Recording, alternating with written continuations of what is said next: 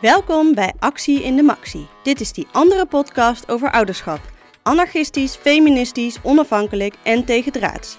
Mijn naam is Julia, ik ben documentairemaker, maker van deze podcast en moeder van Peuter Coco.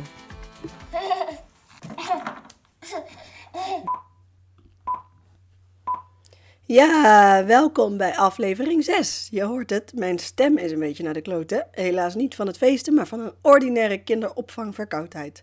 Nu had ik natuurlijk een heel andere dag kunnen kiezen voor deze opname, maar hey, mensen zijn niet uniform en niet perfect. Soms zijn ze ziek, soms hees, soms lang, soms kort, soms dik, soms mager, etc.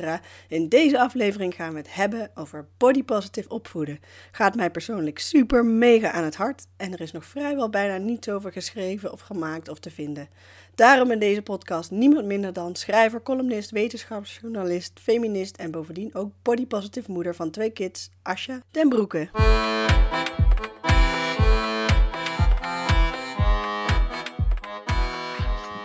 Wat uh, ontzettend leuk dat je tijd had voor mij. Ja. Ik ben echt net van de ene klus zo echt zo, ah, twee minuten alles neerzetten. Het moet nog een klein beetje omschakelen. Oké, met lekker druk. Ja, nou, uh, waarom ik ook, uh, ook snel ja zei, is omdat ik van plan ben om als ik mijn uh, vierde boek af heb, wat hopelijk binnen nu en een paar maanden gaat gebeuren, want dat is bijna af, um, eindelijk, om dan daar een boek over te schrijven. Oh, wat leuk. Body positive opvoeden voor kinderen, met name voor kinderen, voor, voor, alle ouders, maar ook met name voor ouders van dikke kinderen. Zeker als ze dan in zo'n circus terechtkomen van... Um, uh, centra voor jeugd en gezin. En, uh, en er wordt gemeten en er wordt afkeurend gemompeld. En, en hoe, hoe ben je dan een ouder voor je kind in plaats van de diëtist van je kind en de gewichtsbewaker van je kind? En, en hoe, hoe kan je je opstellen tegenover artsen die zich bemoeien? Hoe ga je om met een samenleving waar. Um, de hele tijd wordt benadrukt dat overgewicht hartstikke slecht is en een probleem is en dat het onmiddellijk moet worden aangepakt. En hoe zorg je ervoor dat je dan toch een kind kan opvoeden dat van zichzelf en van haar lichaam kan houden? Um, uh, dat niet, zeg maar, um, daardoor ook heel vatbaar wordt voor eetstoornissen en dergelijke. Dus al die vragen, die had ik en ik kon ook niks vinden. Dus ik dacht, nou, ik eigenlijk schrijver ben, ga ik dan maar schrijven. Dus dat was wel, dat staat wel heel erg hoog op mijn, uh, op mijn planning. Wat, uh, wat geweldig, dan heb ik echt de juiste persoon gekozen om, om hier vragen over te stellen.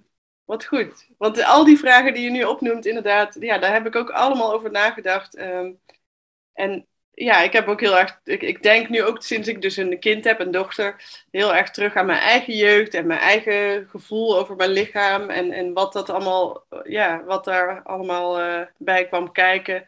Um, uh, en ik merk ook, ze is pas 2,5, maar dat ik bijvoorbeeld laatst bij het consultatiebureau was. En toen zei de arts van, oh, ik zie dat haar, uh, ze is iets in de lengte gegroeid. Haar BMI is iets omlaag gegaan, dus dat is mooi. Toen dacht ik, wat is dit nou weer voor een opmerking eigenlijk? Dat ja. het, was niet, het, het, is niet eens een dik kind. Um, dus ze zat altijd al in een, gewoon de gemiddelde schaal. Of altijd, ja, ze is pas 2,5. Maar dat zijn van die hele kleine dingetjes. Die vrouw dacht waarschijnlijk dat ze gewoon iets goeds en aardigs zei over de gezondheid mm -hmm. van mijn kind. Maar eigenlijk zat daar best iets in, toch? Ja, daar zit een enorm waardeoordeel in. Van, waarin ze zegt van nou, dus, dus, dus dun is goed. En, en, en dik is niet goed. Ik heb het zelf ook meegemaakt. Ik geloof de laatste keer dat ik naar, dat ik naar een consultatiebureau ben geweest met mijn dochter. Die was toen vier of vijf. Dan krijgen ze nog een keer een prik. Al zitten ze wel op de kleuterschool. En, um, en die ging eerst... Uh, mijn jongste dochter die is, uh, is heel lang. Altijd al geweest. Vanaf de geboorte. Dus ze altijd heel lang geweest voor haar leeftijd. Echt zeg maar top 5 procent. Maar ze ging haar eerst wegen. En die mevrouw, de verpleegkundige, echt zo, oh, oh, oh, ze is echt ontzettend zwaar voor haar leeftijd. Oh nee, oh nee, oh nee. En echt heel druk. En mijn dochter echt zo van... En daarna ging ze haar uh, meten, haar lengte. En ze zei, oh, oh, gelukkig, oh, phew. Oh, ze is ook heel lang. Oh, dan komt het met haar BMI toch wel goed. Ja. En ik zag mijn dochter kijken. Ten eerste dacht ik, je kan ook gewoon naar een kind kijken. En ten tweede dacht ik, je zit zoveel waardeoordelen nu op zo'n kind los te laten. Ehm, en dat, ik vond het echt, ik zag mijn dochter kijken die uh, daar vervolgens, en dat vond ik nog wel het meest treffend. Toen ging ze haar ook vragen stellen over haar eetgewoontes. En mijn dochter houdt niet van water drinken. Mijn dochter drinkt altijd ranja. Ik koop die dan vervolgens zonder suiker, omdat, nou ja, goede moeder en zo. Maar mijn dochter weet dat niet. Dat wist op, dat, op die leeftijd niet, dat ik altijd ranja zonder suiker kocht. Maar toen de verpleegkundige vervolgens vroeg, um, wat drink je altijd thuis? Toen had ze dus genoeg van de afkeuring meegekregen om te zeggen, ik drink altijd water. En toen kreeg een complimentje. En toen dacht ik dus niet alleen heeft mijn dochter hier geleerd wat een goede en een slechte lichaamsvorm is. Ze heeft ook meteen geleerd om, te, om het sociaal wenselijke antwoord te geven. Om te liegen over haar gewoontes, zodat ze goedkeuring krijgt. Wauw. Ik dacht, shit. Ik bedoel, er is echt zoveel misgegaan hier. In die korte, in die vijf minuten dat we daar binnen zijn geweest. En dat is dan een kind van vijf of vier. Ja. Dat is bizar, toch? Ja, en, en toen was ze een vrij mager kind, als in een en al been en knokig en, heel, en dus heel lang. En later werd ze wat dikker, uh, gewoon omdat ja, kinderen veranderen wel eens van vorm. Ik, ik, was ik heb me daar nooit zorgen over gemaakt. Er was niks zorgwekkends of medisch of zo aan de hand. Ze begon gewoon, toen ze richting de puberteit ging, zo langzaam een beetje uit te vullen. En, uh, en ze ging ook actief uh, waterpolo spelen, waardoor ze hele brede schouders en gespierde schouders kregen. Dat verandert gewoon het, de lichaamsbouw van een kind. En toen kreeg ze op school ook echt te maken met dat andere kinderen haar dan dik gingen noemen. Ja, toen dacht ik wel echt van, jeetje Mina, wat is dit, wat hebben we voor samenleving gemaakt met z'n allen? Dat, het was toen, ik geloof ik heb er toen een column over geschreven in de Volkskrant, toen was ze acht. Toen zei ze s'avonds met een klein stemmetje: Mama, ze noemen me dik. Oh. wat moet ik nou? En dat vond ik echt, dacht ik, wat een samenleving hebben we gemaakt. Dat, ja.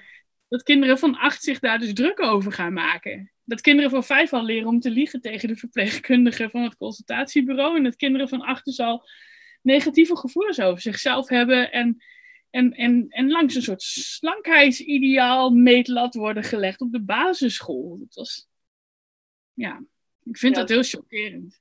Ja, ik ook.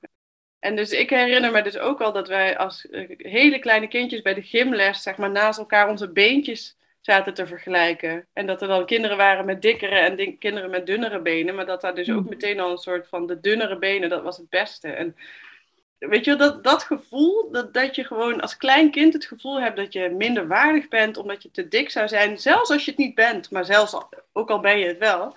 Dat, vind ik zo, dat vind ik echt hartverscheurend. En dat is ook uh, waardoor ik dus heel erg ermee bezig was. Eigenlijk al toen ik zwanger was. Dat ik dacht, ik wil dit niet voor mijn kind. En ik wil hmm. dit niet voor mijn dochter. Het feit dat het een dochter is, heb ik toch het gevoel dat het daarbij nog een groter onderwerp is. Nee, dat heb ik ook wel, ja. Ja, en, en, en dat, ik merk gewoon nu heel erg dat ik denk...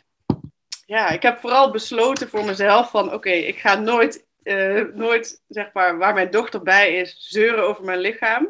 Ja, ja, dat is, uh, ja, dat is ook, dat blijkt ook uit onderzoek. Dat als, uh, als zeker moeders aan de lijn doen, dat dan hun dochters ook op, al op vroege leeftijd bezig gaan met afvallen en aan de lijn doen. En dat inderdaad de onvrede die je uitspreekt over je eigen lichaam, uh, ook al vind je je kind prachtig en vertel jij dat elke dag, toch, um, toch een soort van doorcijpelt in. Zo van een lichaam is dus blijkbaar iets onbekritiseerd te worden om, om, om op of aanmerkingen over te maken. Dus ik heb dat inderdaad precies als jij ook nooit gedaan. Nou moet ik zeggen dat mijn grootste persoonlijke strijd lag voordat ik um, überhaupt kinderen kreeg. Want ik was, ben altijd dik geweest.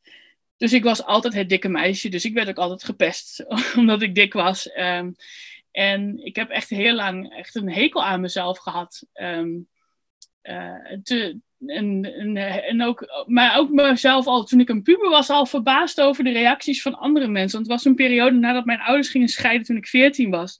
Dat het zo slecht met me ging dat ik echt bijna niet kon eten. Gewoon van pure emotionele stress. En toen werd ik vrij mager. Want ja, als je een half jaar niet eet, nou dan, dan word ik... Ik had alleen als iemand erop toezag dat ik ging eten. Als iemand tegen mij zei, je moet nu eten, dan at ik en anders at ik niet. Uh, nou, toen was ik vrij mager en allerlei mensen zeiden, ik was echt doodongelukkig en ontzettend ongezond, want ik had mezelf uitgehongerd een half jaar lang. En toen zeiden mensen, oh wat zie je er goed uit. Oh wat ben je mooi slank tegenwoordig. Ja, ja. En toen ik me weer wat beter ging voelen, En dus ook weer gewoon ging eten. Toen kwam ik natuurlijk weer aan en was ik weer terug op mijn oude gewicht. En zei oh, oh, je komt wel flink aan. Um, gaat het wel goed met je? Terwijl het eindelijk dus goed ging. En toen dacht ik al wel, dat was de eerste keer dat mij de gedachte begon te besluiten dat er iets misschien mis was met de samenleving in plaats van met mij. Ja. Um, en het heeft toen echt nog jaren geduurd dat ik echt ook mezelf durfde te verzetten en mezelf durfde accepteren. En ook mezelf durfde te verzetten bijvoorbeeld in situaties als toen ik, ik werd zwanger op mijn 23ste. Um, ehm, en ik kwam bij de verloskundige en die ging zo, mijn, uh, die moest ik op de weegschaal en ik werd uh, gemeten. En die ging natuurlijk moeilijk kijken naar haar computerscherm. Oh, oh, oh, ja joh, hoog BMI, mom, mom, mom. En uh, ik kwam daar, toen was ik al vijf maanden zwanger. ik denk, ja, hoog BMI, wie dus? Heb je gezien wat voor toeter ik heb? Um, maar, um, maar nee, ze gingen toch afkeuren. Nee, je, kan niet, uh, je mag niet thuis bevallen. Nee, want je bent uh, veel te zwaar. En toen moest, ging ik hem allerlei tests laten doen. Ik moest bloed laten prikken om te kijken of ik geen zwangerschapsdiabetes had. En toen dat niet bleek, moest ik nog een keer naar het ziekenhuis om nuchter bloed te laten prikken om te kijken of ik zwangerschapsdiabetes had. En toen dat ook niet bleek, moest ik nuchter naar het ziekenhuis om daar een liter suikerwater te drinken. Om daarna mijn bloed te laten prikken om te kijken of ik geen zwangerschapsdiabetes had. En ik, oh, ik was zo beroerd. Ik zat daar in de wachtkamer. Je moet dan een uur wachten voordat ze dan. En je mag dus niks eten, wat moeilijk is als je zwanger bent. Ja. Um, dus ik was zo misselijk. En ik dacht, ja, maar als ik nou, als ik het, als ik zeg maar het uitspuug, dan moet ik straks, moet ik morgen weer. Dus ik heb echt een uur lang gezeten van niet kotsen, niet kotsen, niet kotsen, niet kotsen. Oh. En toen geprikt. En toen was er niks aan de hand. En toen geloofde ze het niet. Ik Nah. Ja, je kan toch niet zo zijn dat je met jouw gewicht geen zwangerschapsdiabetes hebt? Ik zei, nou, ik denk toch dat we ondertussen wel afdoende hebben vastgesteld dat ik dus geen zwangerschapsdiabetes heb. Maar hoe ik ook vroeg, ik, uh, ik mocht niet uh, thuis bevallen. Ik moest naar het ziekenhuis.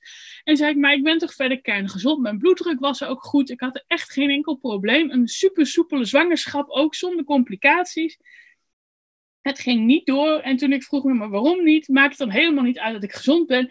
Nee, zei ze, dat maakt helemaal niet uit. Had je maar je verantwoordelijkheid moeten nemen en gewoon dun moeten worden voor je zwanger werd. Dat, dat zeiden ze ook tegen je? Dat zei ze gewoon. Oh my god, schandalig hè? Dus daarna ben ik echt, de, de, de maand daarna ben ik gewoon binnen gemarcheerd. Heb ik mijn bloeddruk laten meten door de assistente. Ze heeft gecheckt of er een hartslag was. En toen ben ik weer weggegaan. Ja. Ik dacht echt, ik ga echt geen woord meer met haar wisselen. Maar dat was wel het moment dat ik echt dacht van, ik moet wel echt niet met mez- voor mezelf gaan opkomen. Want ik heb straks ook een dochter. En, uh, en wie weet is die ook wel dik, net als ik. En, en ik kan dit soort shit dan niet zomaar over zijn kant laten gaan. Dus dat was ook wel echt, ik had ook wel echt enorm zo'n moederbeer ding gaande toen ik zwanger was en toen ik net bevallen was. Zo van, ik ga deze wereld beter maken. En er maar scheef naar mijn welf durft te kijken. Dus ik bijt zijn hoofd eraf. Um, dus ik ging vanaf dat moment ben ik echt heel erg gaan opkomen voor mezelf in al dat soort situaties. En ook voor haar. En dan was mijn oudste was op alle vlakken een gemiddeld kind, altijd. Dus dat was heel aan events. Maar dan keken ze zo naar mij zo. En dan gaf ik ook nog geen borstvoeding na de eerste paar weken. Oeh, ja, En dan uh, er werd er helemaal scheef gekeken. Zo van, ja, jij moet eigenlijk wel borstvoeding geven. Ik zei, ja, ik ben twee weken geleden gestopt omdat ik een baarmoederontsteking kreeg. Um, dus dat zat er gewoon niet meer in. Als in, ik droogde gewoon op.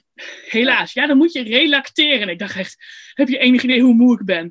Weet je, daar heb ik toch helemaal geen zin in. Dus ja, maar wil je dan niet het beste voor je kind? Wil je dat je kind dik wordt, net als jij?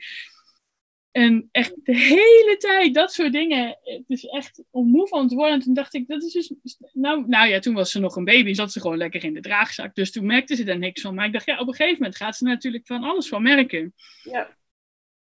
En dan is natuurlijk wel van groot belang hoe ik mij gedraag. Dus ik, ben, ik heb nooit negatief over mijn eigen gewicht gesproken. Ik heb nooit een dieetpoging ondernomen. Ik heb echt heel bewust, zeg maar, zo van ja, nee, ik ben dik, tralala, zeg maar.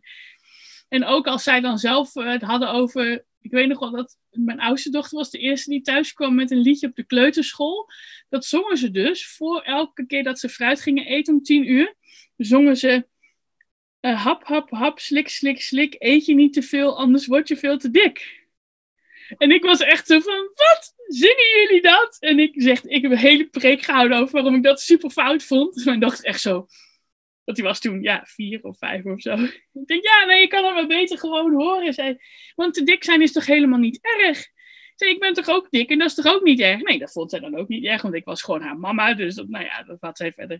Ik zei, nou, waarom neem je dan een liedje over alsof dat iets heel slechts is? Dat vind ik echt heel slecht. En hoe moeten dikke kinderen in de klas zich dan wel niet voelen? Dat is toch hartstikke gemeen? Is bijna een beetje pesten, zeg maar. Dus zij echt de volgende dag, nou, juf, dit liedje moeten we niet meer zingen.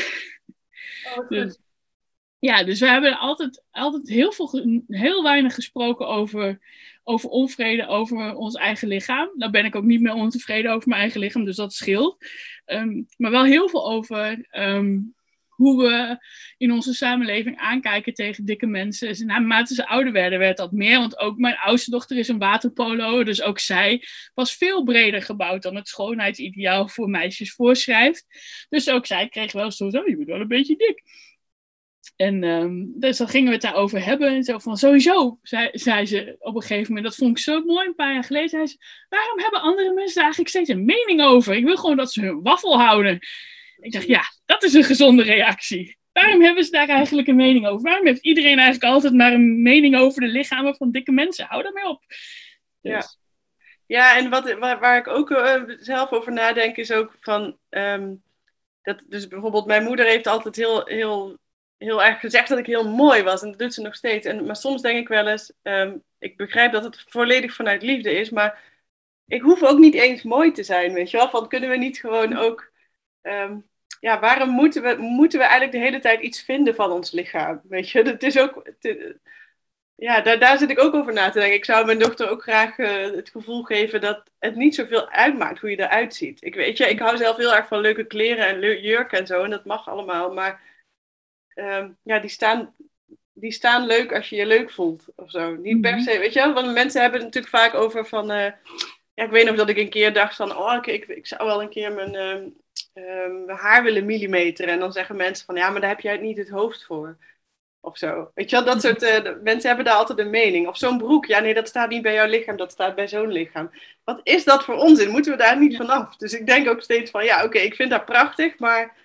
En ik, ik merk ook nu bij mezelf, hè, van je bent moeder en je hebt een kindje en, je- en die vind je dan ook de hele tijd prachtig. Dus ik moet me ook bijna inhouden om niet de hele tijd ehm, toch haar het gevoel te geven van, oh je bent zo mooi, of zo. Van je bent de mooiste van allemaal. Eh, want ik wil haar eigenlijk meegeven dat ze gewoon de leukste is. En dat, ik, ja, dat het lichaam Ja. gewoon... eh, Ik denk dat het niet zo erg is als ze ook mooi zijn, zolang ze ook maar al die andere dingen zijn. Dus ik, ja, ik, ik heb mezelf er ook wel eens op betrapt. En toen dacht ik, maar het is eigenlijk ook wel ook redelijk genderrolbevestigend. Eh, ik gok dat als ik een zoon had gehad, omdat ik ook niet immuun ben voor stereotypen, ik aanzienlijk minder vaak had verteld dat hij mooi was. En het is ook wel, het, het viel mij zo op op de kleuterschool, dat ga je nog wel merken, dat ehm, als de jongens binnenkwamen, dan eh, was het zo van, eh, van eh, nou ja, dan, zeiden de jufjes zo van, juffen van, ja, hallo, en heb je nog iets leuks gedaan of heb je nog gesport? En als de meisjes binnenkwamen, zei de juf, oh, wat zie je er mooi uit vandaag. Stevast, elke dag weer.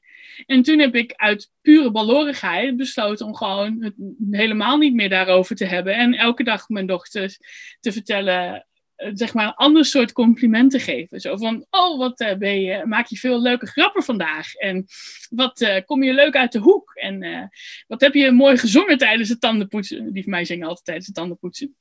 En, eh, en, eh, en wat, eh, wat, wat, heb je, wat, wat leuk dat je hierin geïnteresseerd bent. Of wat, wat kom je daar slim uit de hoek.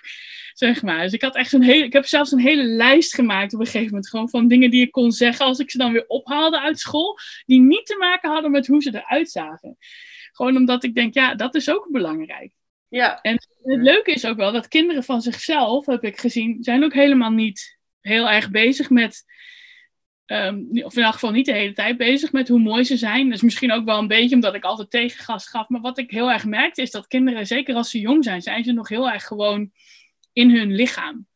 Als in heel erg ehm, één met hun lijf. Op een hele vanzelfsprekende manier die veel meer te maken heeft met wat dat lijf allemaal kan dat het kan dansen, dat het op een klimrek kan, en dat het kan, kan skileren en kan fietsen en, en zwemmen. En, en, en wat ze daar meemaken en wat voor sensaties dat heeft.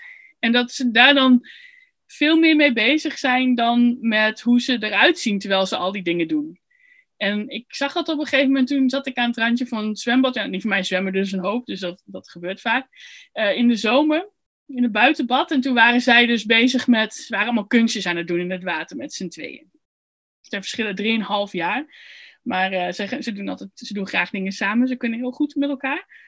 Um, en ze waren dus, de een was dan een dolfijn en de ander die stond op haar handen in het water en dan ook de ander ertussendoor. Nou goed, hartstikke leuk. En toen dacht ik, zo zijn ze dus helemaal, helemaal 100% bezig met wat hun lichaam kan.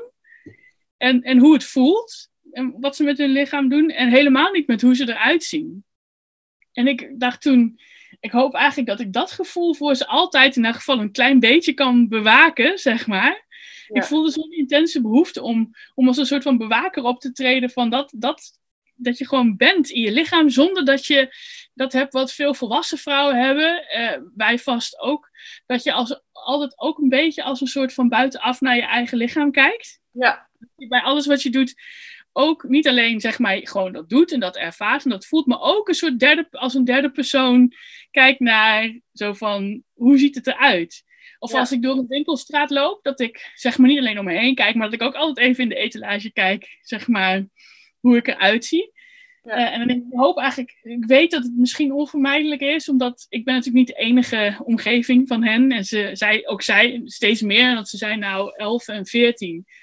En steeds meer, naarmate ze groter worden, zijn ze ook in, onder invloed van de, de, bredere cultuur die we hebben in onze samenleving. Maar ik hoop zo dat ze dat in elk geval voor een deel kunnen, uh, kunnen bewaren. En daarom ben ik ook zo blij dat ze allebei veel sporten. Want, uh, want ja, zoals mijn oudste dochter zei, dat, ja, zei dat laatst. Als ik, als ik een waterpolo-wedstrijd speel, dan ben ik echt niet bezig met hoe het eruit ziet hoor. Dan moet het gewoon hard. Ja. Weet je, hard gooien, hard zwemmen, hard verdedigen.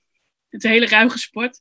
Ja. Dus, uh, daarom ben ik eigenlijk ook wel blij dat ze, niet, dat ze niet op ballet of zo zitten. Niet op een sport waar ze de hele dag ook in een spiegel kijken. En alles gaat over sierlijkheid en over nou ja, toch hoe een uiterlijk eruit ziet. Maar die echt gaat over pure vermogen leveren. En en, en doorzetten en je helemaal snot voor de ogen zwemmen. Ja. Ik, denk dat, ik ben heel blij dat ze daarvoor gekozen hebben. Uh, omdat ik denk dat het heel fijn is voor hen om in elk geval elke week een paar uur te hebben waarin ze alleen nog maar gewoon in hun lichaam zijn en niet van buitenaf naar zichzelf kijken. Ja, en dat, is, dat klinkt ook heel, als iets wat voor, uh, vaak voor jongetjes dan heel vanzelfsprekend is. Hè? Dat ze dan ook zeggen, het moet gewoon hard en, en lekker Ja. door en keihard. En, en, en ja, dat, dus dat, dat, dat is ook wel interessant. Dat, dat, Ja. dus, ja, dat je daar bij vrouwen, of meisjes eigenlijk, hoop je dat ze dit ook ervaren op deze manier. Ja, ja, ik weet nog wel dat het was in het waterpolo-team van mijn ouders was het een gesprek geweest dat ehm, eh, ze hadden water, de waterpolo-vrouwen van het, het Nederlands waterpolo-vrouwen-elftal gezien. eh, tijdens of een Olympische Spelen of een wereldkampioenschap, daar wil ik af zijn. En dan hadden ze gezien dat de waterpolo-vrouwen, die trekken dan hun, eh, die hebben een heel strak waterpolo-zwempak aan. Met een rits aan de achterkant, dat die nog strakker kan. En dan doen ze ook nog aan de achterkant hun zwempak tussen hun billen. En dat vonden, vonden, vonden sommige mensen lelijk. En waarom maken ze zich nou lelijk voor een wedstrijd? Maar dat is heel praktisch. Dat doen ze omdat eh, je dan geen, niet kan trekken. Eh, Er wordt veel getrokken bij waterpolo onder water. En eh, bij de heup is precies een plek waar je goed grip hebt. Dus dan kan je aan iemands billen kan je zo trekken. En dat, dus dat doen ze om dat te voorkomen.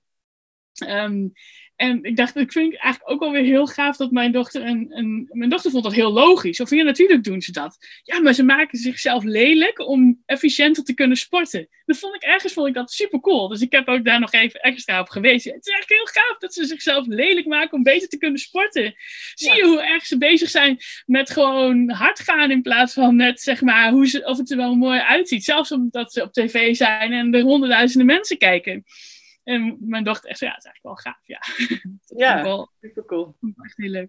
Ja, meer het functionele of zo. En ook, ja, wat is eigenlijk lelijk? Want daar denk ik nu ook opeens aan. En, en is mijn dochter natuurlijk nog heel klein, maar bijvoorbeeld als zij mijn buik ziet, dan krijgt ze nog meteen zo'n soort eh, reactie dat ze daarmee wil knuffelen en een kusje wil geven. Hoe blubberig en, en, en, en zacht die ook is, zeg maar. Dat, ze, eh, dus zij zegt dat dan ook vaak, mooi, mama, buik. En dat, dat vind ik heel fijn en dat, dat gaat vast ooit over misschien. Maar het is ook wel een, gewoon een andere manier naar eh, kijken naar wat mooi is, toch? Dat je denkt, Ja. zij, zij denkt gewoon, oh, dat is dat hele lekkere, zachte, warme stukje van mijn moeder waar ik ooit uitkwam. Oh, weet je wel. Ja, ja. Nou, dat denk Ja. ik, vinden mijn kinderen ook nog steeds gelukkig. Dat is bij Oh. hen nooit overgegaan.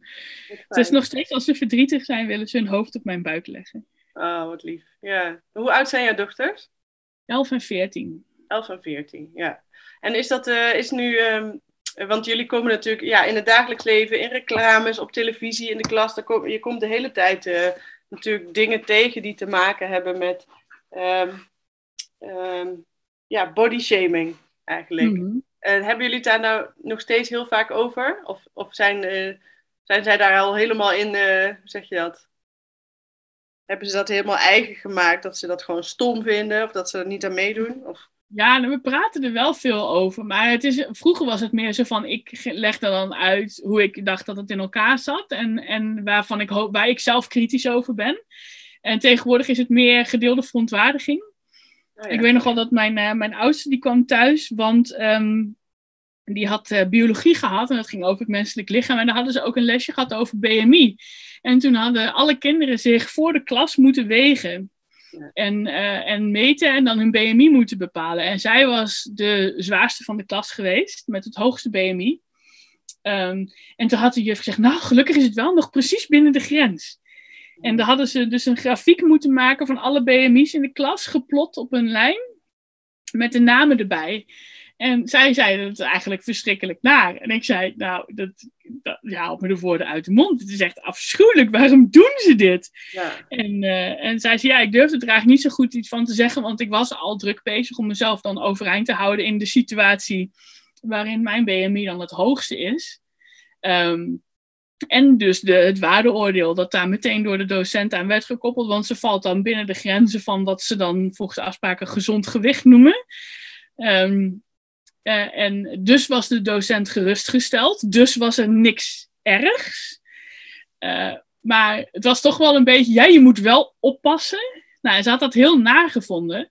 Ja. Eh, en kwam toen thuis met de vraag of ik daar niet ehm, iets aan kon doen. Dus ik heb onmiddellijk de directeur van de school gemaild. Ik denk, ik ga niet eens langs de docent. Ik ben, dit vind ik zo Grensoverschrijdend. fatshaming eh, in de klas. Als, als le- onderdeel van het lesprogramma. Maar ik ben nergens gekomen. Ik heb vijf mails achteraan gestuurd. Inclusief eh, allerlei wetenschappelijke onderbouwing. Hoe bijvoorbeeld in de klas, eh, dat uit onderzoek blijkt dat in de klas wegen ehm, eetstoornissen kan triggeren. en, en, en, en, en een negatief lichaamsbeeld kan versterken met, met ehm, linkjes naar reviews en meta-analyses erbij. En alles. Ik denk, nou goed, ik gooi me graag gewoon voor voor als wetenschapsjournalist hierop. En ik gooi het gewoon erop en zo. En ook hoe zij eigenlijk heel awetenschappelijk een link hadden gelegd tussen hoog BMI en ongezond zijn. Eh, terwijl die link veel complexer is. Eh, allerlei dingen spelen een veel grotere rol dan hoeveel kilo's je met je meedraagt. Eh, bijvoorbeeld hoeveel je sport, eh, hoe, wat je eetpatroon is, of je, of je arm bent of rijk, dat soort dingen. Ehm, dus nou goed, ik had het allemaal uit de doeken gedaan. En zei ze, ja, maar we vinden het toch wel belangrijk om op zo'n manier met gezondheid bezig te zijn. Ik kwam echt nergens. Gewoon, ja, oké. Ja, dus, Ja, echt niks van snappen. dus nou gaat over twee jaar gaat mijn, eh, mijn jongste, na of anderhalf jaar gaat mijn jongste naar die school. En, eh, en nou ja, die zei, zij is wat feller. Nou, zus is de wat rustiger, verlegen meisje. Zij is, mijn jongste is echt heel fel. Zeker als het aankomt op sociale rechtvaardigheid. Ze heeft ook al, ze, zo, ze zo, zijn allebei lesbisch. Ze heeft ook al een Purple Friday georganiseerd op haar school. Oh, cool. Tegen de klippen op, want dat wou eigenlijk niemand. Zei ze, ik ga het toch doen. En ehm, helemaal zelf een pakket daarvoor aangevraagd bij het COC en zo. Zij is echt zo van, als je mij in de wielen rijdt wat betreft eh, sociale rechtvaardigheidsissues, nou, dan krijg je furie. Dat is echt, eh, zij is echt zo, zij, zij, is, zij kan zich dan zo kwaad maken. Dus ik denk, nou, ze gaan nog wat beleven daar in de klas. Over twee jaar. Ik bedoel, ik ga natuurlijk zelf ook nog een keer aankaarten dan. Ja. In de hoop dat ze daar dan ondertussen een beetje het licht zien. Maar ik denk, oh, anders zullen ze het van haar krijgen hoor. Dat, Dat ja, zij is zo fel daarin. Dus ze zullen Ja. niet weten wat ze meemaken. Heb je ook het idee dat uh, jouw dochters dus ook gewoon een heel goed zelfbeeld hebben? En daar dus, of of heb je, komen ze ook wel eens bij jou en dat ze opeens denken van uh, ik durf die legging niet aan, want uh, weet ik veel, dat past niet bij mijn billen. Of dat ze dat soort Ja. dingen toch wel een beetje internaliseren. Ja, het zit er toch wel een beetje in hoor. Ondanks alles wat we eraan gedaan hebben, en ondanks dat ik zelf zeg maar helemaal, helemaal blij, dik en gelukkig ben, en ondanks alles wat we hebben besproken, merk ik toch dat bijvoorbeeld mijn oudste, die was dan, de, de blote navels waren weer eens in de mode de afgelopen jaren, maar zij durft niet haar buik te laten zien.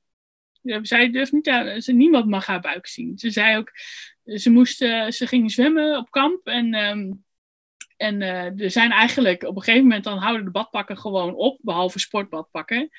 Uh, die, die, heeft ze natuurlijk genoeg. Maar uh, ze zei: Ja, ik ga naar het strand. Ik wil eigenlijk niet mijn trainingsbadpak mee naar het strand, want dan zit er overal zand de volgende keer dat ik ga waterpolo spelen. Maar ze wou ook onder geen enkele voorwaarde een bikini aan. Um, en, want zij vindt haar buikje niet strak genoeg. En toen dacht ik: Oh shit, nice. Ik denk wel, ja, kijk, het is natuurlijk aan haar, omdat ze moet dat op haar eigen tempo overwinnen. Ik kan haar niet dwingen om positief te zijn over haar lichaam door te zeggen, ach, doe gewoon een bikini aan en haar een bikini te geven en dan te denken dat het probleem oplost. Ik kan alleen maar zeggen dat er is niks mis met jou. Er is iets mis met de manier waarop onze samenleving ons leert, vooral meisjes en vrouwen leert, om naar hun lichaam te kijken. En dan zegt ze, ja, dat kan allemaal best wezen, mam. Tegenwoordig, want ze is 14. Uh, maar ik wil gewoon niet dat iemand mijn buik ziet, want ik vind mijn buik niet mooi. Ze heeft ook nog kleine haartjes op haar buik. Ze heeft donker haar, dus nou ja. Dat kan je dan een beetje zien. Ik zei, iedereen heeft haartjes op zijn buik. Dat is heel normaal. Nee, ik wil het niet. Mijn buik is privé. Nou ja, goed. Dat moet je ook respecteren natuurlijk. Um, dus ik zei, ja, nou goed, je, je, gaat er natuurlijk uiteindelijk zelf over. En hoe jij je voelt is het belangrijkste. Maar zolang je maar weet dat er niks mis is met jouw buik. Jouw buik is fantastisch. Hij doet het hartstikke goed. Um, nou ja, maar dat is dus wel, ik merk dat dus wel aan haar, dat dat echt zo'n dingetje is. En ook mijn jongste, die dan toch wel vaak van haar vriendinnen te horen krijgen dat ze haar dik vinden. Um, uh, wat ook nog wel heel subjectief is. Uh, maar dat, het punt is niet of ze dik is. Het punt is dat andere mensen en andere kinderen daar dus de hele tijd over vallen. En terwijl zij is juist heel erg met kleding bezig. En zij is de meer extraverte van de twee. Dus zij draagt heel graag modieuze dingen, zelfgemaakte dingen. Uh, uh, tuinbroeken, neonkleurige truien met konijnenprinten erop en zo. Ze is heel uitbundig en best wel modieus in haar kledingstijl. Maar dan zijn er dus ook mensen die gaan haar dan vertellen van ja, dit mag je dan niet aan. Want daar ben jij te dik voor. Uh, en dan heeft zij dan, zij heeft daar vervolgens 100% scheid aan. Oh. Dus het is ook wel weer heel erg, denk ik, afhankelijk van het temperament van een kind. Ja. En, en, hoe ze daarin staan. Want zij, zij gaat gerust in een bikini uh, overal naartoe. Dat interesseert haar helemaal niet, zeg maar. Ja, wat fijn. Dat, uh, ja. Dus het is, ja, het is wel, ik merk wel, aan mijn oudste merk ik wel dat uh, dat zit wat onzekerheid in. Ja. En bij de jongste merk ik juist, ik merk dat ze wel last van heeft als mensen haar dik noemen of een commentaar. Ze vindt het echt vervelend en rot. En vervolgens komt er bij haar een soort van woedereactie op gang. Die zich dan vertaalt in fuck this shit. Dat is, uh, ja. Ik hoop eigenlijk dat de oudste daar ook een beetje, daar, dat een beetje nog gaat afkijken. Dat kan natuurlijk, hè? dat dat gewoon nog even wat tijd nodig heeft. Ja. En tegelijkertijd denk ik ook, ja, het, het heeft ook maar, het hoeft ook maar één kutopmerking te zijn van iemand die je, die je eigenlijk heel leuk vond of zo, die soms heel lang jou uh, een kind met een uh, complex op kan zadelen. Ja, nou, ik merk ook wel bijvoorbeeld hoe negatief sommige ouders zijn over het gewicht van hun kinderen. Ik zat, uh, ik zat aan, de, aan de rand van het zwembad bij een waterpolo-wedstrijd. En toen zei een van de vaders, uh, zijn dochter was wat aangekomen tijdens de lockdowns. Omdat, nou ja, normaal gesproken sport ze vier keer per week. En toen ineens niet. Um, en toen zei hij, ja, ja, ze is wel een beetje... En ik zei, ze is een beetje wat? Hij zei, ja, ze is wel flink dik. Ja, dat moet er wel af. Ik zei, hé. Hey. En ik zei, gozerd, jij mag niet je dochter vetshamen van mij. Hou daar alsjeblieft eens eventjes mee op heb gewoon geen mening over haar lichaam. Hou, kappen hiermee. Ik was echt kwaad, dus er ontstond een klein opstootje en zo. Maar ik was wel blij dat ik het gezegd had. Want ik denk, als hij dat de hele tegen zijn kind gaat zeggen, of als hij dat zelfs maar één keer tegen zijn kind gaat zeggen, wie weet hoeveel last hij daarvan heeft. En zeker meisjes van 14, 15 zijn zo gevoelig. Ik bedoel, ik ken meisjes die gewoon, zeg maar, eetstoornissen hebben gekregen vanwege een paar van zulke opmerkingen. zeiden dan, ja, ik dacht, ja, inderdaad, ik ben ook vies. En, en ik moet ook dun zijn. Ik hou gewoon op met eten. En die dat dan ook deden. En terwijl dat is altijd, zeg maar, mijn grootste angst geweest. Helemaal niet om dikke kinderen te krijgen, maar om kinderen te krijgen die zo'n hekel aan hun lichaam zouden krijgen dat ze, zeg maar, hun lichaam kwaad doen om te vermageren. Dat, is echt, dat was echt mijn grote schrikbeeld om, toen ik dochters ging opvoeden. Van, nou, dat, dat, wil ik, dat wil ik echt nooit. Want anorexia en, en andere eetstoornissen, dat zijn we toch, dat zijn we toch gemene, intens nare en niet zelden dodelijke ziektes. Nee, heel vaak dodelijk uiteindelijk zelfs, hè? Ja. Echt super, super uh, desastreus eigenlijk, als je kinderen... Ja, ik denk toch dat, en dat was ook wel op het moment dat ik dacht van, ik moet hier toch een boekje over gaan schrijven, want dat risico is toch zoveel groter dan, dan zeggen ze wel, ja, dik is ongezond. En dus ten eerste, is daar een heleboel op af te dingen. En ten tweede, ja, je hebt een hoger risico op hartklachten of diabetes en zo. Als je, weet ik veel, 50 bent of 60. Maar dan ga je toch dan kinderen nog niet mee belasten? Nee. Ik bedoel, dan ga je toch, dat, dat, je gaat toch niet een hoger risico op een hartaanval als je 65 bent, nu op kinderen projecteren? Waar ben je dan mee bezig? En hoe zou jij, uh, hoe, hoe denk je dat er het beste wel mee omgegaan kan worden? Want um, um, ja, wat, wat nou als je echt het gevoel hebt dat je kind wel um, te dik zou zijn of ongezond zou zijn? Dat is natuurlijk niet hetzelfde. ja, ik ben wel benieuwd, want dat, is natuurlijk iets wat vaak mensen zeggen van ja, maar je wil gewoon dat je kind gezond is. En uh, nou, wat mij betreft staat dat volledig los uh, van BMI.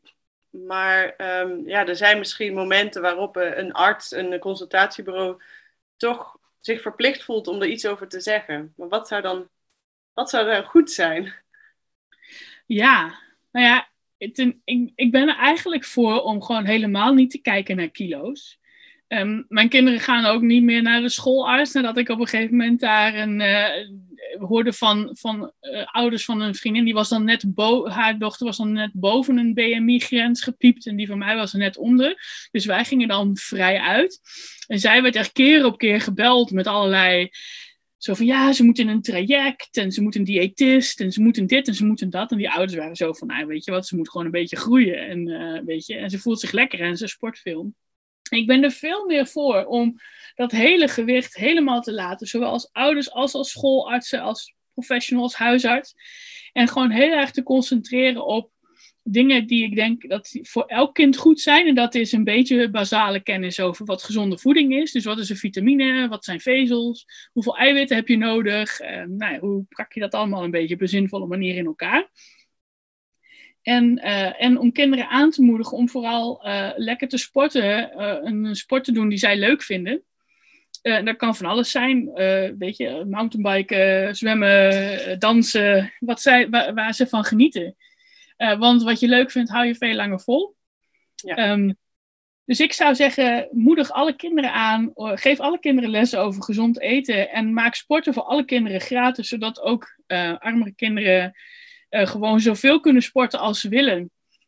En concentreer je daarop. Dus als er een kind is dat alleen maar op de bank zit en, uh, en wil gamen, dan denk ik, dan, dan zijn er ook andere problemen. Dan, het probleem is echt niet of zo'n kind dan dik is of niet.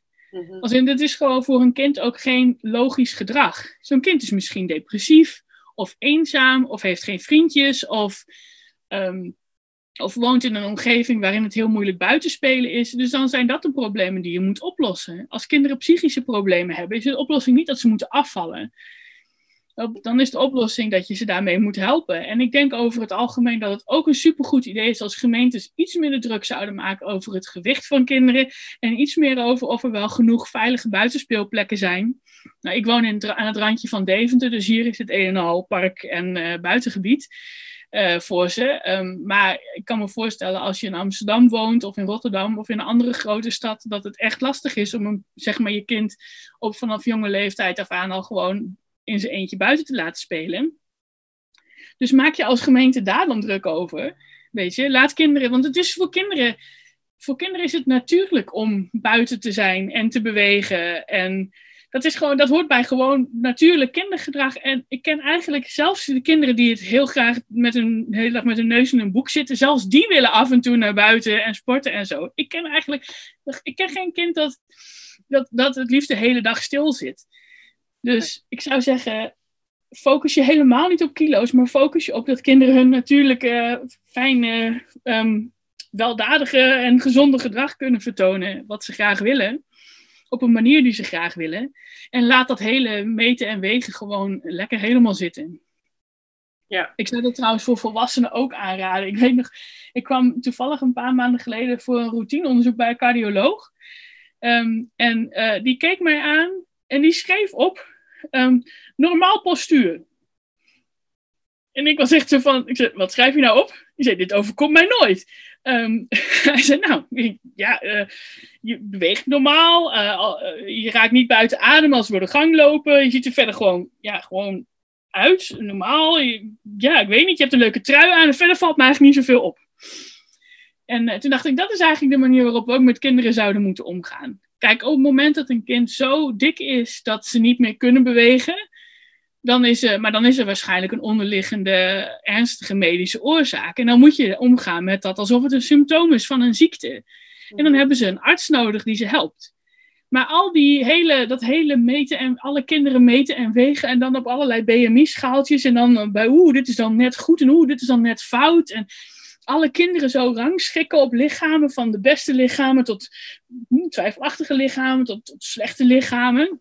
Daar moeten we helemaal af moeten we helemaal niet doen. Dat, um, dat bijvoorbeeld in de klas op scholen aandacht besteden aan, uh, aan uh, fatshaming of uh, body shaming en, en body, body positivity. positivity um, dat dat, dat um, misschien juist ook niet zo'n goed idee is, omdat we er dan weer op gaan focussen? Of zou het wel goed zijn? Want daar, zat ik zelf over na te denken. Van, we zouden, weet je wel, zoals je vroeger, dan, dan kwam er een keer een, een homo in de klas iets vertellen over homoseksualiteit nou ja, misschien moeten we ook daar meer aandacht aan besteden. Dat, dat uh, dikke mensen eens komen vertellen in de klas uh, wat het betekent in de samenleving en hoe, hoe, hoe, hoe, hoe erg ze te maken krijgen met vetshaming en hoe naar dat is of zo.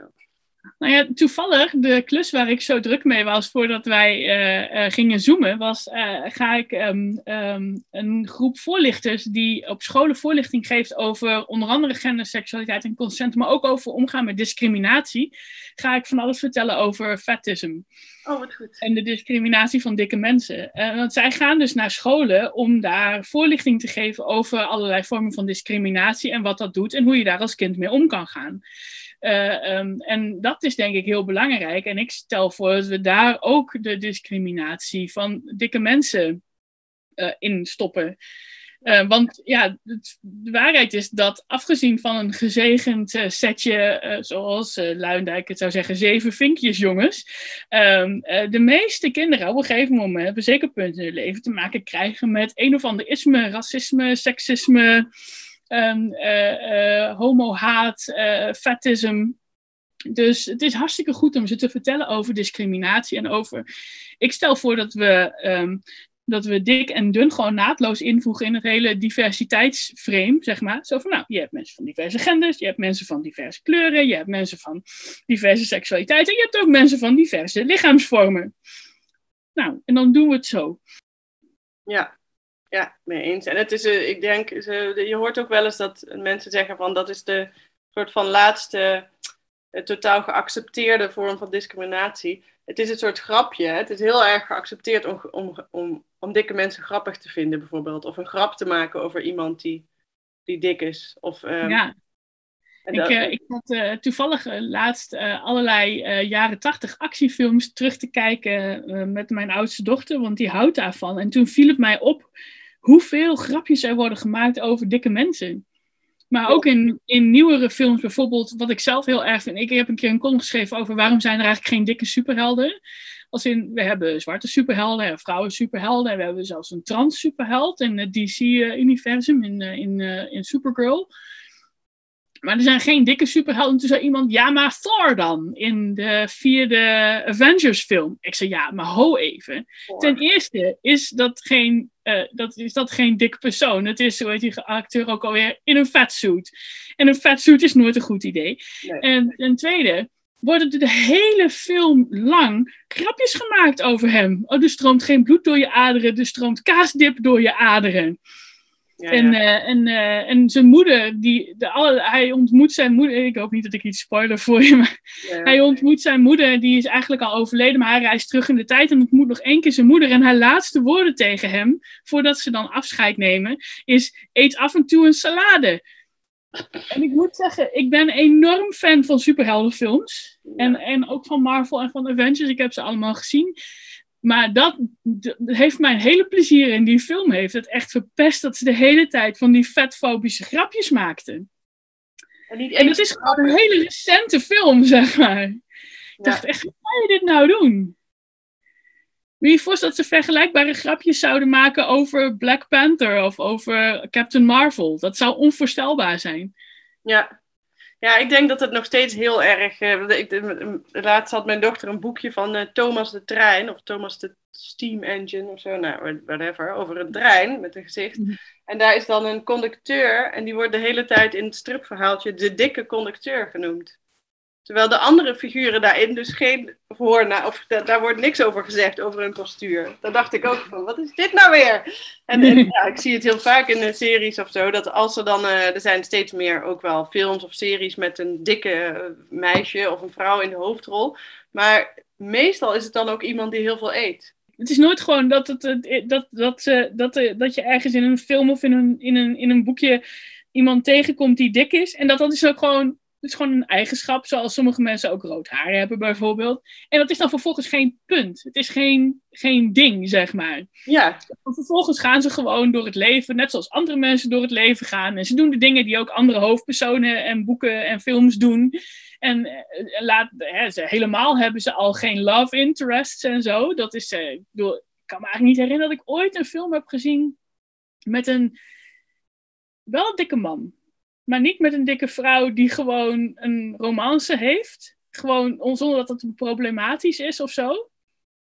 ik kan één film bedenken waarin, ik, waarin een dikke man een romance heeft zonder dat zijn gewicht een ding is. Volgens mij is dat um, The Holiday. Daar zit. Ehm, heeft de, de love interest van uh, Kate Winslet heeft een, is, is een dikke man. En dat is geen ding. Ja, maar dat is dan een man ook. Dat ja, maar een dikke vrouw, waarbij haar gewicht geen ding is en die gewoon verliefd wordt zonder dat dat dan weer een ding is. En waar dan, zeg maar, dan een andere man of vrouw dan weer verliefd op haar wordt en ze gewoon een romance hebben of zo. Ja. Of ze andere awesome dingen doet die, uh, ja, zonder dat dat meteen centert om haar uh, gewicht. Dat, dat komt gewoon bijna niet voor. En ik, ik mis dat wel heel erg, ook in de opvoeding, zeg maar, van dat soort rolmodellen. Want ik, ik zorg wel, nou, ik heb dus twee lesbische dochters, dus ik zorg wel voor dat niet alles te heteronormatief is. Mhm. Eh, dus we zijn nou bijvoorbeeld met z'n allen Buffy aan het kijken. Ehm, eh, onder andere omdat uh, daar natuurlijk hartstikke mooie lesbische relaties in zitten. Ja. die ook op een hele fijne, vind ik zelf op een hele fijne manier worden verfilmd. Dus dat vind ik dan, zeg maar, fijn voor ze. En, zeg maar, kijk, jonge superheks, uh, ook nog, uh, zeg maar, lesbisch. Dat, vind ik leuk voor ze, dat ze dat kunnen zien. Maar ik, op, op, vlak van dikke... Ik, ik, kan me, ik heb nog niks kunnen bedenken wat ik ze zou kunnen laten zien met een awesome dikke vrouw in de hoofdrol.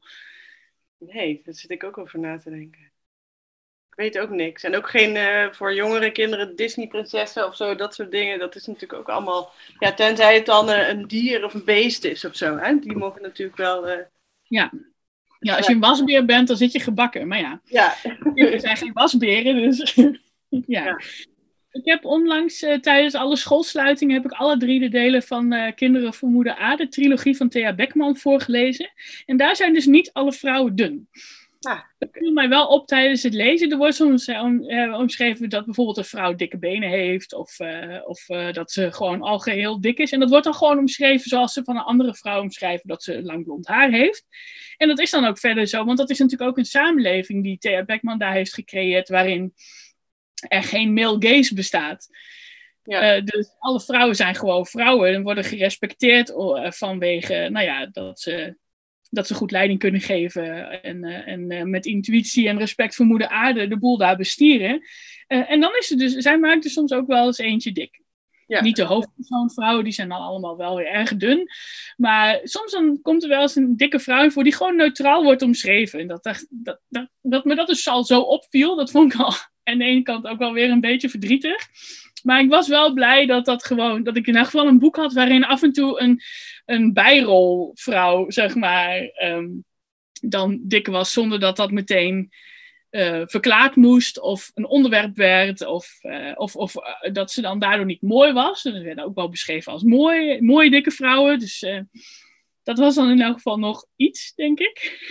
Ja, ja inderdaad. Ja, ik weet, ja, ik ga wel eens even op zoekje naar. Maar ik denk dat jouw, uh, jouw boek wordt in ieder geval uh, de eerste echte tip waarschijnlijk. Als dat uh, klaar is. Ja, ja ik, ben, ik ben wel erg van plan om die, om die dan vlotjes te schrijven. En ik heb ook al een lijstje gemaakt van mensen die ik daarvoor wil interviewen. En zo. Dus ik heb ook al wel ouders die wel geïnterviewd worden. Die dan... Want ja, ik ben... Het is een beetje voor mij... Is het een, ik zit een klein beetje dubieuze positie, omdat mijn kinderen zijn dus niet echt dik. Als in meestal fietsen ze op, bij officiële gelegenheden, zeg maar, net onder de BMI-grens door. Mhm. Dus er zijn bepaalde problemen waar ik zelf gewoon nog niet mee te maken heb gehad. Um, dus dat, uh, maar er zijn andere ouders die mij daar ongetwijfeld uitgebreid over kunnen vertellen. En, Ja, uh, precies. Nou ja, iets waar ik zelf ook over nadenk. ehm, ehm, ik scheer wel eens mijn benen bijvoorbeeld, of mijn oksels. En soms ook eh, een half jaar niet en dan weer een keer wel. En het, zo gaat het eigenlijk mijn heel mijn leven een beetje. Dat ik daar af en toe soms opeens zin in heb of daar iets bij voel. Maar dat is dus ook iets waar, waarbij ik denk van... Hmm, ik wil eigenlijk dat mijn dochter Coco, dat zij leert dat vrouwen gewoon beenhaar hebben. Want ja, dat hebben ze nou eenmaal. Dat gaat zij ook krijgen. Heb jij daar, eh, hoe, hoe, hoe ga jij daarmee om? Ja, ik ben over het algemeen sowieso te lui om me te scheren. dus afgezien van dat ik wel soms mijn, ha mijn haar millimeter als ik het beu ben. Uh, en sowieso ook altijd mijn eigen haar knip. uh, uh, de, ja, ik, ik, ik doe dat überhaupt niet. Ik ben ook heel extreem gevoelig. Dus voor mij is dat meer een, een, een gezondheids- en comfort-issue om dat gewoon te laten. mijn dochters talen er ook helemaal niet naar. Um, die zijn ook niet zo harig, dus dat scheelt misschien. Maar uh, ze hebben ook nooit gedacht of iets daarover gezegd of zo. Dat, uh... Dus ja, ja, kijk, het is natuurlijk ook wel een beetje. Het wordt wel. In sommige kringen wordt het op een gegeven moment ook wel verwacht, denk ik. Dat je met geschoren benen aankomt. Um, heel soms zing ik wel met mijn dochter, als ze dan voor het eerst weer in korte broek op de fiets zitten, zingen wij uh, op de deuntje van, uh, van het liedje van Brave, zingen wij ze van De wind waait door mijn beenhaar en ik voel me sterk en vrij. Geweldig. dus dan, uh, want het voelt lekker, de ja. wind door je beenhaar waait. En dus ik heb al sowieso valt het bij mij een beetje in dat ik altijd probeer aandacht te besteden aan dus lichamelijke sensaties in plaats van uiterlijkheden. Uh, zo van het fijne gevoel van, van wind die door je beenhaar waait. En ze heeft wel eens gezegd van... Um, mijn ouders heeft wel eens gezegd, moet ik niet mijn okselshaar scheren? Uh, want dat doen andere meisjes ook. En zei ik, nou, wil je je okselhaar scheren? Ja, nou, ik weet niet, dat is een beetje on the fence over. En ik zei, ja, dat kan je doen. Uh, maar het is lastig. Um, en uh, je kan er ook pukkeltjes van krijgen, dus dat is eigenlijk helemaal niet zo fijn dan. Ja. Dus je moet het vooral doen als je, je moet het wel echt belangrijk vinden zeg maar. Ik zou je niet tegenhouden natuurlijk. Ik kan je ook wel eventueel laten zien hoe je dat doet. Maar je moet het wel echt belangrijk vinden, want het is ook wel gewoon lastig. En ik ken echt wel veel mensen die er, uh, die er van die puistjes van krijgen. Jeuk, ja. Dus jeuk. En ja, dan groeit het ook weer aan en dan heb je stoppels. Dus het is een hoop gedoe. Je moet maar afvragen of je bereid bent om dat te doen. Uh, nou, toen heeft ze erover nagedacht en toen zei ze nee, het lijkt me te veel gedoe. Dus toen is dat weer overgewaaid. Ja. Maar dat is wel heel duidelijk wat je zegt. Je, bent dus niet, je zegt dus niet van ik ga haar echt, ik ga haar echt ontmoedigen en ik wil het niet. Of ik mocht het bijvoorbeeld een tijdje niet van mijn moeder. Uh, maar jij zegt van nou ja, als ze dat heel graag wil, dan, uh, dan moet ze dat vooral zelf weten. Uh, maar ik ga daar wel gewoon duidelijk over zijn. Wat het betekent. Ja, nou ja, ik, ik bespreek een soort van niet alleen de voordelen, maar ook de nadelen ervan. En ik vertel ook waarom ik het dan niet doe. Uh, maar nee, ja, ik vind agency over je eigen lichaam voor meiden, zeker meiden in de puberteit, is wel het allerbelangrijkste. Dus nee, ik mag, ik mag van mij ook niet hen vertellen wat zij met hun lichaam mogen doen. Ja. Um, ja, het enige wat ze van mij niet mogen is op dieet. Maar dat is ook dan nog nooit bij ze, zeg maar. Ik heb ze dat wel eens gezegd. Van jullie mogen alles doen met je lichaam wat je wil. Maar je mag voor mij niet op dieet. Want je bent toch jong en in de groei en zo. Kijk, als je volwassen bent, dan moet je het zelf meten. Maar je mag voor mij echt niet op dieet. Nee. Uh, zei ze, ja, oh mam, doe niet zo raar, dat willen we ook helemaal niet. Dus ik werd een beetje weggehoond. Dat, kwam, dat vond ik hartstikke goed. Ik denk, dit is prima. Gaat hartstikke lekker zo. Maar afgezien van die ene harde grens, uh, ja, nee, mogen ze voor mij alles doen. Ik zei, uh, wil je piercen, tatoeëren, je haar blauw verven, be my guest. En denk, ja, dan zou het een beetje raar zijn natuurlijk om dan te zeggen, nee, je mag niet je oksel scheren. Ik vind agency en dat zij de zeg maar, zelfcontrole hebben over hun eigen lichaam en zich niet door anderen, en dus ook niet door hun moeder, laten vertellen wat ze daarmee mogen doen. Uh, dat vind ik echt het allerbelangrijkste. Ja, ja dat vind ik heel mooi. Dat maar diëten is zo schadelijk en heeft zoveel nare lange termijn gevolgen uh, dat ze dat voor mij echt niet mogen. Maar ja. goed, dat valt een beetje in de categorie van ja, je mag er geen dingen doen die jezelf kwaad doen. Dat is waar de grens ligt. Maar uh, ja, je oksel scheren is hooguit ongemakkelijk. Dus als ze dat echt zou willen, zou ze het mogen. Maar uh, ja, ik ben wel eerlijk in over hoe vervelend het is. Ja. En zou je je bemoeien met wat ze wel eten? Dus uh, als ze bijvoorbeeld, nou ja, opeens blikken Red Bull en weet ik veel, elke dag hele grote zakken snoep zouden willen eten. Of gewoon een ander ongezond spul. Ja, ik heb het geluk dat ik hele verstandige kinderen heb. Dus wat dat betreft is het een beetje lastig voor te stellen. Um, want wat ik altijd doe als zij dan een plan hebben waarvan ik denk van, hmm, dan vertel ik ze wat, uh, nou ja, zo van bijvoorbeeld Red Bull, dat kwam op een gegeven moment dan ter sprake. Ja, sommige kinderen drinken hartstikke grote blikken Red Bull. En toen heb ik ze uitgelegd, nou ja, dat je bijvoorbeeld als je daar te veel van drinkt, je de hartritmestoornissen van ja. kan krijgen. Dus toen was, dat, uh, nou ja, toen was de lol er wel af, zeg maar. En toen wouden ze dat niet meer. En, uh, en ik heb in principe eigenlijk geen regels over over snoep en dergelijke. En ik weet ook hartstikke goed, ze krijgen genoeg zakgeld om, uh, om, elke, dag, uh, om elke dag een zak snoep te kopen. Uh, en ook kleedgeld en zo, dat ze daarvoor zouden kunnen gebruiken. Maar ja, ik zei ja, kijk, snoep is, is, het is leeg, je hebt er niks aan. Um, er zit niks in wat je, ik heb ze geleerd over vezels en eiwitten en, en, en dergelijke. Ik zei, er zit niks in wat je nodig hebt. Als je honger hebt en je eet snoep, dan heb je een uur later weer honger. Um, en het is niet goed voor je lijf. En het is wel belangrijk, en dat vind ik ook echt, om goed voor je lijf te zorgen. Natuurlijk mag jij een zak, kan jij een zak snoep uh, kopen en dat opeten. En dan krijg je van mij heus geen straf of zo. Maar je hebt er ook niks aan. Ja. Als in, je ja. doet jezelf ermee tekort. Als in, zeker omdat zij sporten echt, mijn, zeker mijn oudste sport echt extreem veel. Vijf keer per week minstens een uur. Ik zei dus, en ze is ook vegetariër uh, uit ideologische overweging. Ik zei, het is echt wel belangrijk dat je een beetje oplet wat je eet, zodat je genoeg eiwitten binnenkrijgt. Zeker als je ook nog in de groei bent. Ja. Dat je zorgt dat je niet te weinig ijzer binnenkrijgt. En, dus het is voor jou wel belangrijk om goed voor je lichaam te zorgen. Want anders op een gegeven moment, als jij bijvoorbeeld al je calorieën uit snoep gaat halen in plaats van uit boterhammen met, met ei. Um, dan word je op een gegeven moment slap, slapper en zwakker en minder snel in het water. Ja. Want je, zit, je haalt dan wel de calorieën binnen. Nou, dat lukt dan weer. Heb je genoeg energie. Maar je hebt niet genoeg bouwstoffen om je spieren goed te onderhouden. Dus, nou, toen dacht ze daarover na. Toen zei ze, nou, dan ga ik denk ik toch maar boterham eten.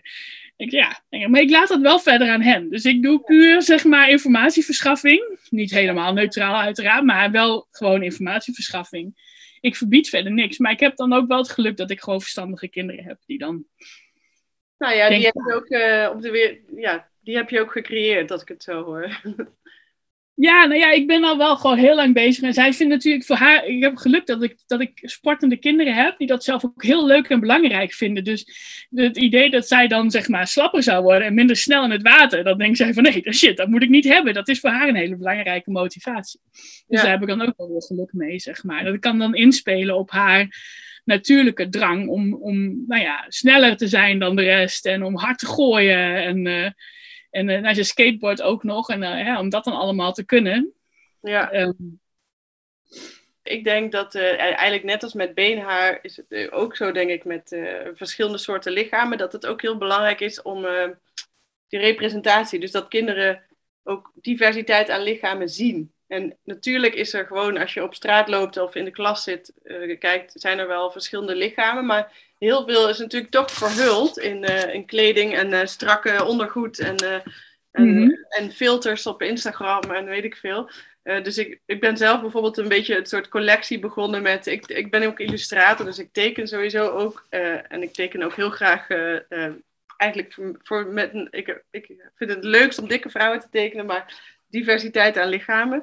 Ehm, maar ik ben ook voor- begonnen met verzamelen van afbeeldingen daarvan. En die dan ook Mhm. eh, op de wc op te plakken of eh, in, in huis eh, te laten zien. Ehm, en daarom denk ik dus ook bijvoorbeeld, ik vind het goed als mijn dochter mijn benen ziet en ziet dat er haar op zit, net als bij haar vader bijvoorbeeld. Ehm, denk je dat dat nog iets is? Is het goed om met kinderen naar de sauna te gaan of, of gewoon überhaupt veel bloot te zijn? Dat ze bijvoorbeeld dat jouw dochters jouw lichaam zien en zien, hé, hey, dit, is een, dit is een dikke vrouw. Zo ziet een dikke vrouw eruit. En, Ja. Nou, Ja, ik denk dat sowieso wel. En ik heb ook inderdaad, eh, er is eh, de, volgens mij heet het de Full Body Project van Leonard Nimoy. Ik weet niet of je dat kent. Maar dat is een, eh, een fotoboek waarin hij met dikke vrouwen ehm, eh, onder andere een aantal beroemde schilderijen heeft nagemaakt. En dan heel mooi heeft gefotografeerd. Ehm, en daar hebben wij een paar platen van aan de muur hangen. oh, wat mooi. Eh, om gewoon, nou ja, om ze dat te laten zien. En ik, ja, ik banje zelf ook wel met regelmaat gewoon in mijn blote kont door het huis.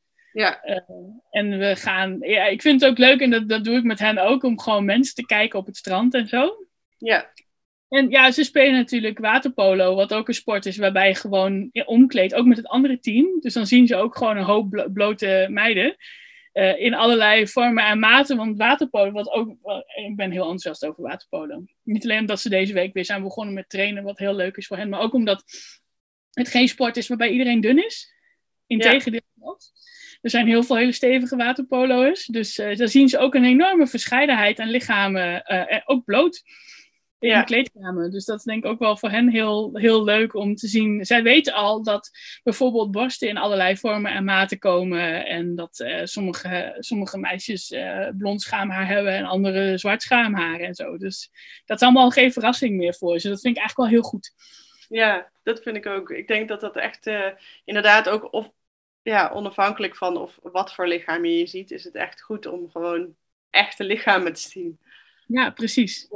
En om gewoon voorbeelden om je heen te hebben. Want dat is denk ik wel ook wel een beetje een probleem. Dat kinderen ver- vergelijken zichzelf natuurlijk met onrealistische beelden die ze tegenkomen. En die ze met elkaar delen. ja, als de enige lichamen die ze zien op Instagram zijn, dan krijgen ze wel een heel raar idee van wat, een wat de meeste lichamen zijn, Ja. denk ik. Ja, nou mooi. Het, het is, eh, ja, klinkt eh, alsof je dat heel goed gedaan hebt bij je dochters. Ik vind het ook wel inspirerend. Die van mij is nog heel klein, maar dat ik denk, ja, je, je kunt niet vroeg genoeg beginnen, denk ik. Ehm, en ja, ze dus wel heel veel vrijheid geven, maar er heel veel over praten en ze gewoon duidelijke informatie verschaffen. Ja, ja En precies. en toe eh, op de bres springen als je echt boos bent en dat ook laten weten. Ik denk dat dat ook belangrijk is. Dat je soms Ja. ook Maar sowieso ben ik ook altijd heel erg van ze aanmoedigen om zelf te protesteren tegen dingen. Ja. Want ja, je hebt een stem, weet je, dus, eh, dus eh, gebruik die. En eh, Ja. dat zie ik ook steeds meer doen, dat maakt me heel trots. Ja, ik kan me voorstellen. Wat leuk. Wat fijn. Nou, ik kijk enorm uit naar jouw boek. Dat ga ik zeker lezen. Ja, superleuk je ook eh, te ontmoeten op deze manier. Ja, insgelijks. Fijne dag. Jij ook. Doeg! Hoi. Hey, ja, super bedankt eh, Asja voor dit eh, inspirerende gesprek. Ehm, hier ben ik weer met mijn heese stem. Ehm, even een kleine update nog. Ehm, op eh, 26 en 27 februari aanstaande geef ik eh, een workshop en modereer ik nog een andere workshop op Activistisch eh, Festival 2DH5 in Amsterdam in Rue. Op zaterdag 26 februari om 10 uur is er een soort actie in de Maxi workshop, een workshop over activisme en ouderschap. Eh, en hoe dat eh, verder gaat.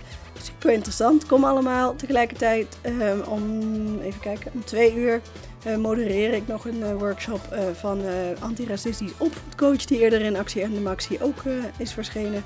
Ehm, en zij praat natuurlijk over antiracisme in de opvoeding en eh, ik zal haar eh, vragen stellen. Ehm, dus ja, kom allemaal naar 2DH5. Er zijn nog veel meer andere leuke workshops. En ook heel tof is dat ze dit jaar echt een hele toffe en goed georganiseerde kinderopvang eh, ruimte hebben waarbij kinderen gewoon eh, veilig en eh, fijn en goed en met genoeg mensen om op ze te letten kunnen spelen. Zodat ouders ongestoord naar workshops kunnen. Dus check de website even www.2dh5.nl. Ehm, ja, dus kom daar allemaal naartoe. Bedankt voor het luisteren. Luister de volgende keer eh, vooral weer naar de zevende aflevering. Ik moet nog heel even nadenken, maar waarschijnlijk gaat die over boos zijn op de wereld en moederschap. Dank jullie wel. Doei doei.